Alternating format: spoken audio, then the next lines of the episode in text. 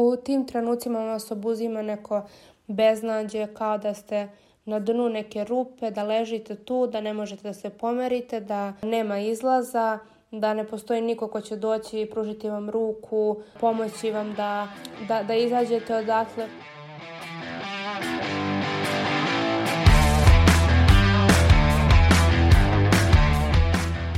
periodu adolescencije naše telo trpi najviše promjena i nije rijetkost da se teško nosimo sa njima, jer je to i period u kome počinjemo da primećujemo nedostatke u našem fizičkom izgledu.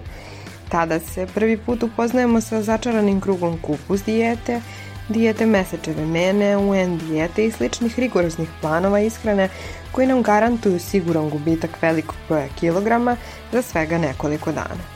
Taj period je nažalost i period upoznavanja sa poremećajem ishrane, jer nakon ovakvih dijeta najčešće sledi period prejedanja. Slušajte podcast na zdravlje. Moje ime je Nikolina Ilić i uz mene ćete u narednih nekoliko mjeseci učiti o zdravlju.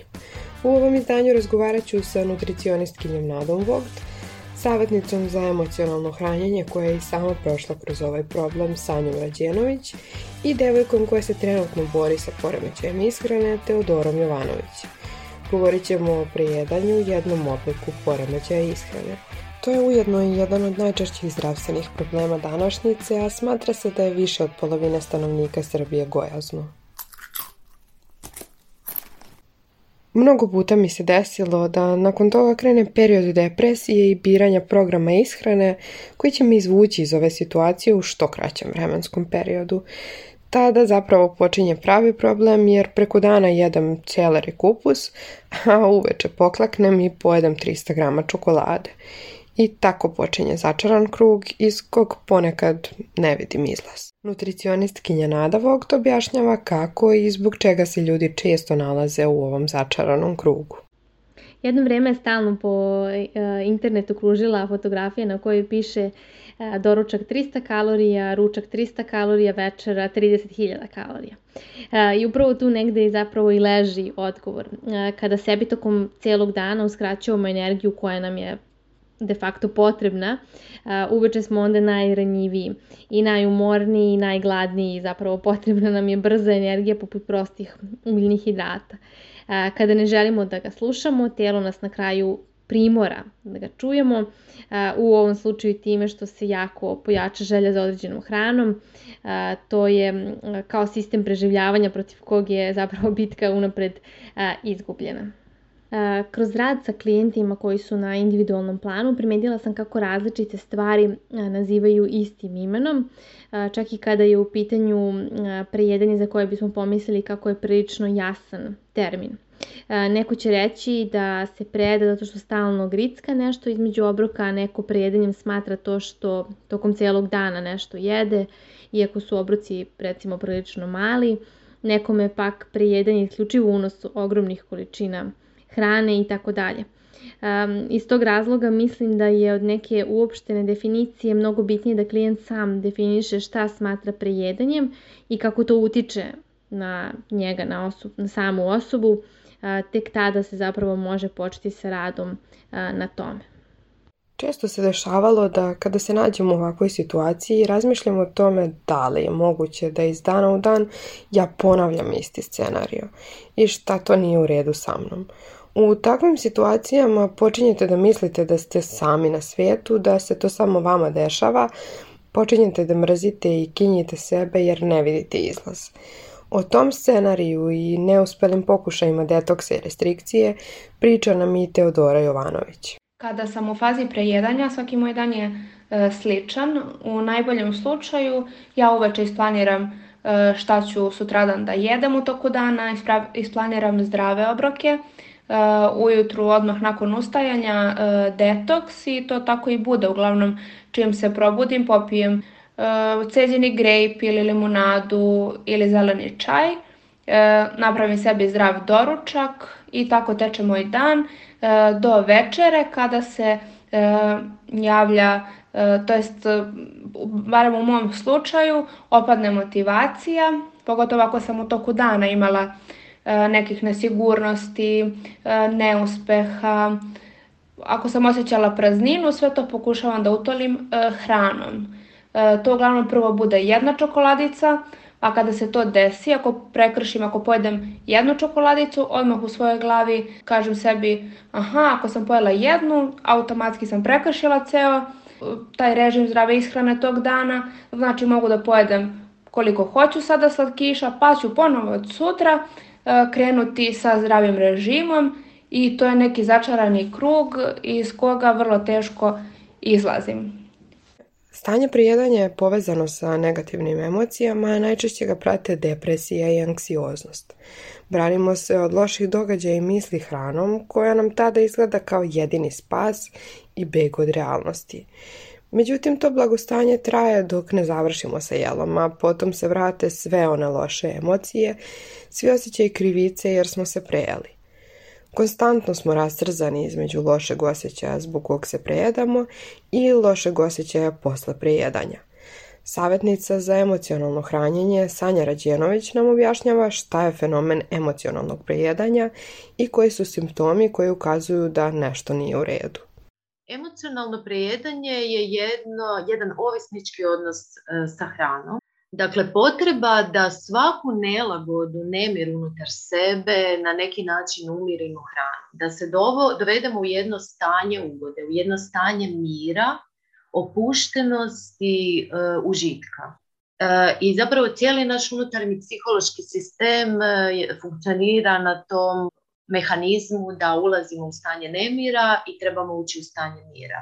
U početku, dakle, e, osoba kada svijesti da je na neki način ovisna hranom, da, da uzima više hrane nego što je njezinom tijelu potrebno, a to počne primjećivati zato što e, se javljaju prvi simptomi, dakle počne se debljati, počne biti nezadovoljna svojim tijelom.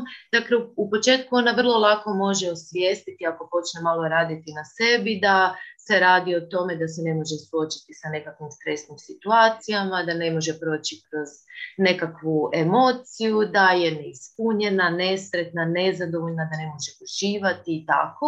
Taj odnos sa hranom je samo ono, neka površna stvar, neka simptomatika, treba dublje ući u uzrok, treba, treba iscijeliti uzrok. Dakle, otkud ja kreiram taj nagon za apetitom, a ne ići iz mjesta, idem se disciplinirati. I koliko je bitno u proces pobjeda ovog problema uključiti nutricionistu koji će na osnovu naših potreba i želja sastaviti plan ishrane, toliko je bitno imati i psihološku pomoć koja će nam pomoći da nađemo uzrok problema i trajno ga se riješimo. Dakle, postoji nekakva sila unutar nas koja nas navodi na kompulzivnu radnju. Dakle, taj nas odrasli zreli dio, taj naš voljni dio, zapravo želi preuzeti kontrolu nad svojim tijelom, želi otići kod nutricioniste, želi imati disciplinu nad svojim odnosom sa hranom, e, nad hranom, ali nešto unutar nas to ne da. I ono što je zadatak zapravo osobe koja ima ovaj problem je da se e, na neki način e, susretne sa tom silom unutar nje. Da zapravo vidi iz kojeg dijela sebe kreira taj, taj nagon. Još jedan veliki problem i udarac sada je nerazumevanje okoline. Društvo generalno voli da primeti svaku promenu u našem životu, posebno kada je u pitanju fizički izgled, ne razmišljajući o željcima koje će to ostaviti na našu psihu. Zašto si se tako ugojila? Ne izmišljaj izgovore, nema to veze sa emocijama. To je sve od toga što si lenja. A da si da tako izgledaš, izađi napolje, trči malo. Kakav nutricionista i psihoterapeut, izbaci slatkiše i radi vežbe. Super si ti, samo malo da smršaš. A evo i kako je to uticalo na moju sagovornicu Teodoru Jovanović.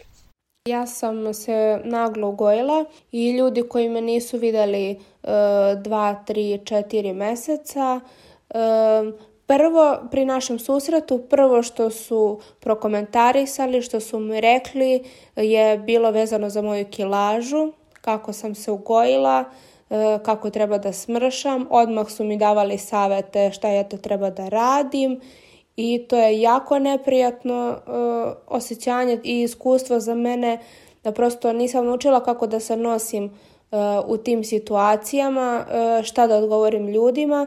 E, celog dana nakon toga bih se osjećala loše, kada sedim u društvu, e, samo bih razmišljala o tome kako me ljudi posmatraju, kako razmišljaju o tome kako sam se ugojila. Ni u jednom trenutku nisam mogla da se osjećam opušteno. E, da razmišljam o nečem drugom, nego je konstantno to bio fokus na mom telu i izgledu i jedva sam čekala da odem sa tog mesta, da budem sama kod kuće, da niko ne može da me gleda i komentariše. Takvi komentari užasno bole, razaraju vas i čine to da samo tonete u sve dublji osjećaj beznađa. I oni koji ih upućuju često nemaju lošu nameru, ali nemaju ni svijest o tome kako se vi osjećate jer ljudi koji ne prolaze kroz ovo vide samo jednu stranu problema i ne znaju za njegovu pozadinu. Samo tih e, nekoliko minuta e, dok jedete osjećate zadovoljstvo, čim to prestane, odmah nakon toga e, javlja se osjećaj krivice, tuge, besa, ljutnje, E, što niste ispunili e, neki cilj koji ste zacrtali, neki zdrav režim i to je začarani krug koji se stalno ponavlja. E, kada imam loš dan, kada sam depresivna, a uz to se i predam, osjećam se mnogo lošije, zatvorim se u kuću, nemam uopšte nemam nikakvu motivaciju i želju da izađem iz kuće, E, ne mogu da obavljam osnovne stvari kao što su da odem do prodavnice, da prošetam sa prijateljima, e, po ceo dan ležim u krevetu, nekada se to i pretvori u par dana i to je e, jako loš osjećaj.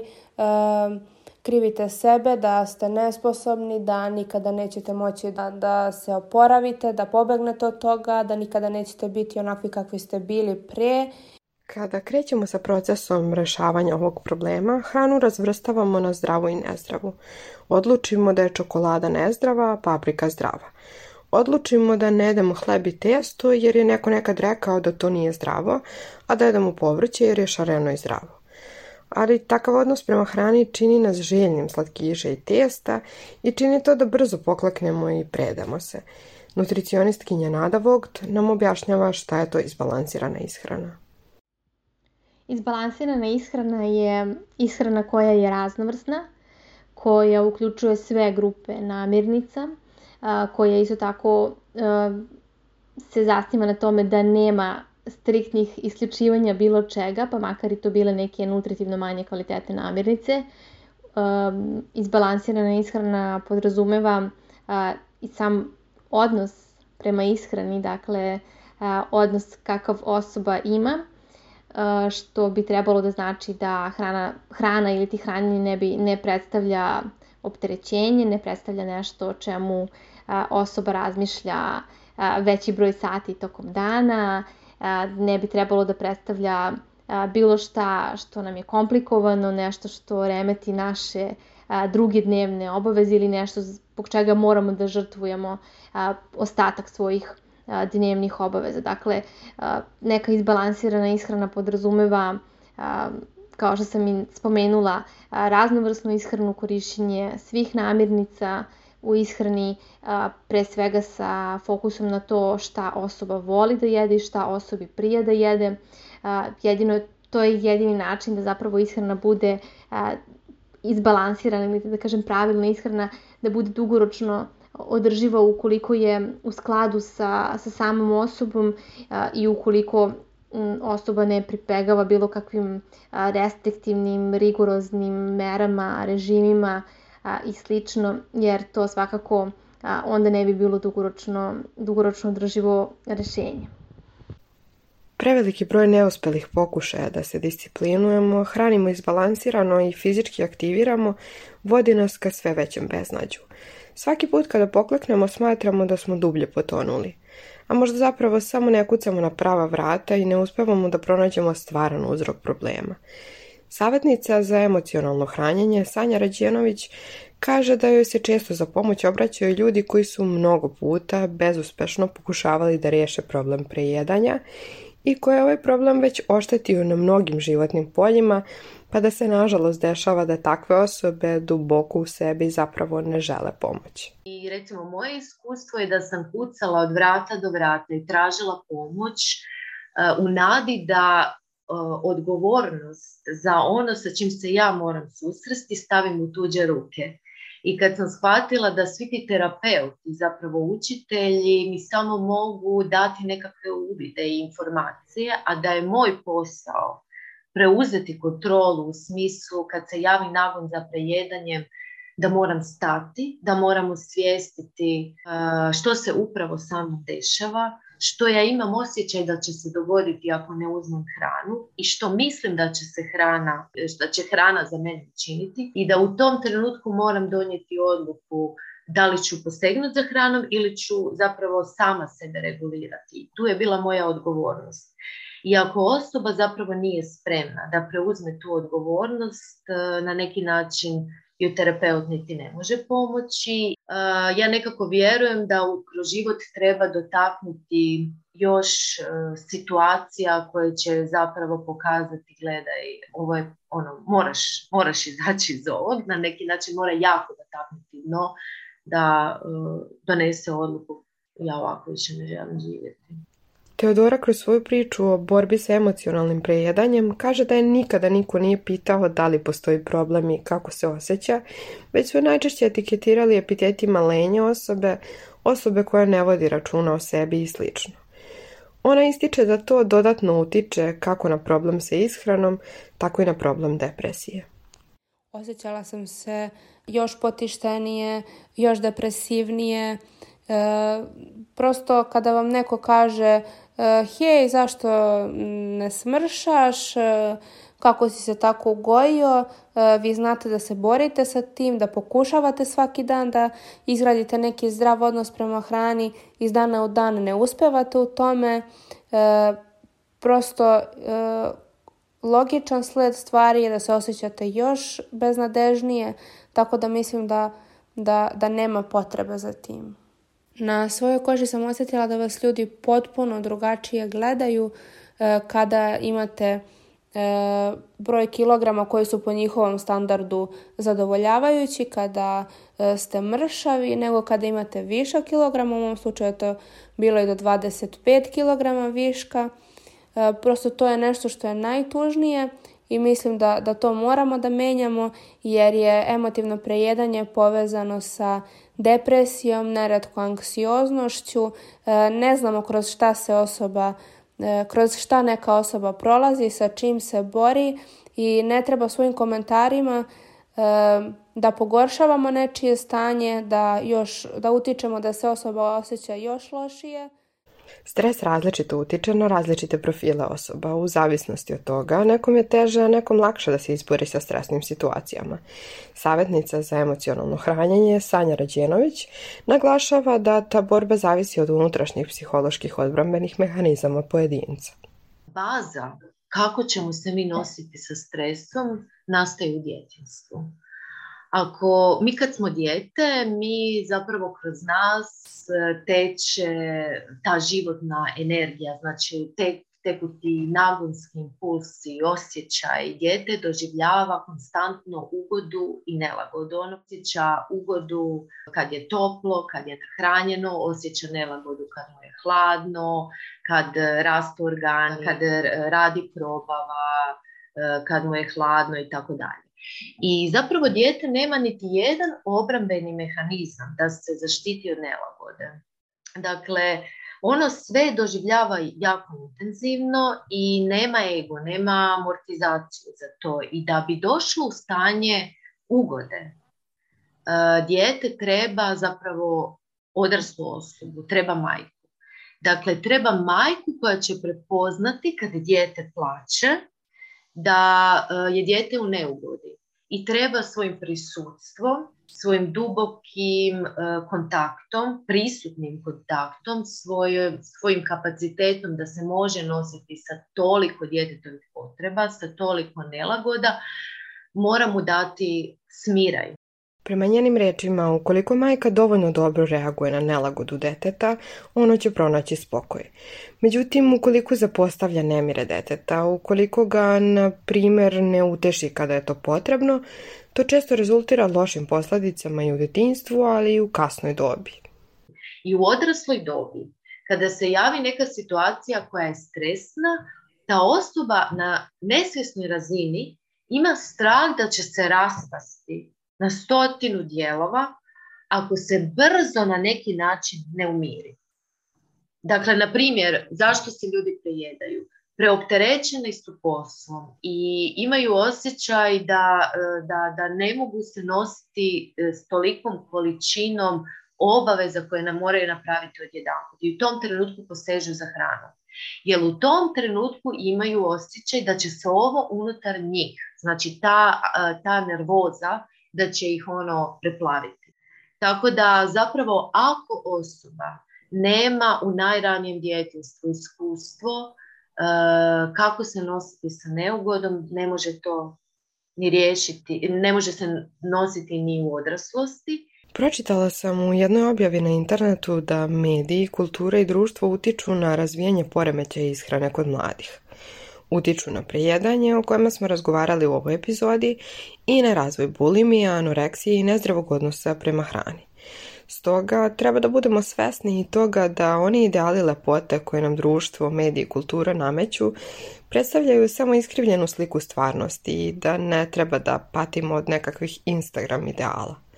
Ne treba da dopustimo sebi da nas ta slika odvede stramputicom ka depresiji i ka poremećajima ishrane.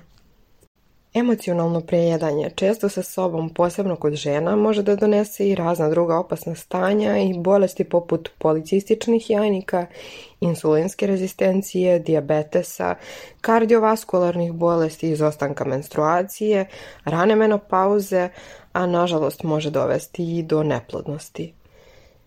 Nemojte biti rigorozni, savjet je nutricionistkinje Nade Vogt te kada dozvolimo sebi da ne budemo rigurozni, kada otklonimo sve restrikcije, kada osjećamo da imamo dozvolu da jedemo sve što nam se jede, žudnje vremenom počinje da slabi i određena hrana nema više tu moć kao što imamo utisak da ima.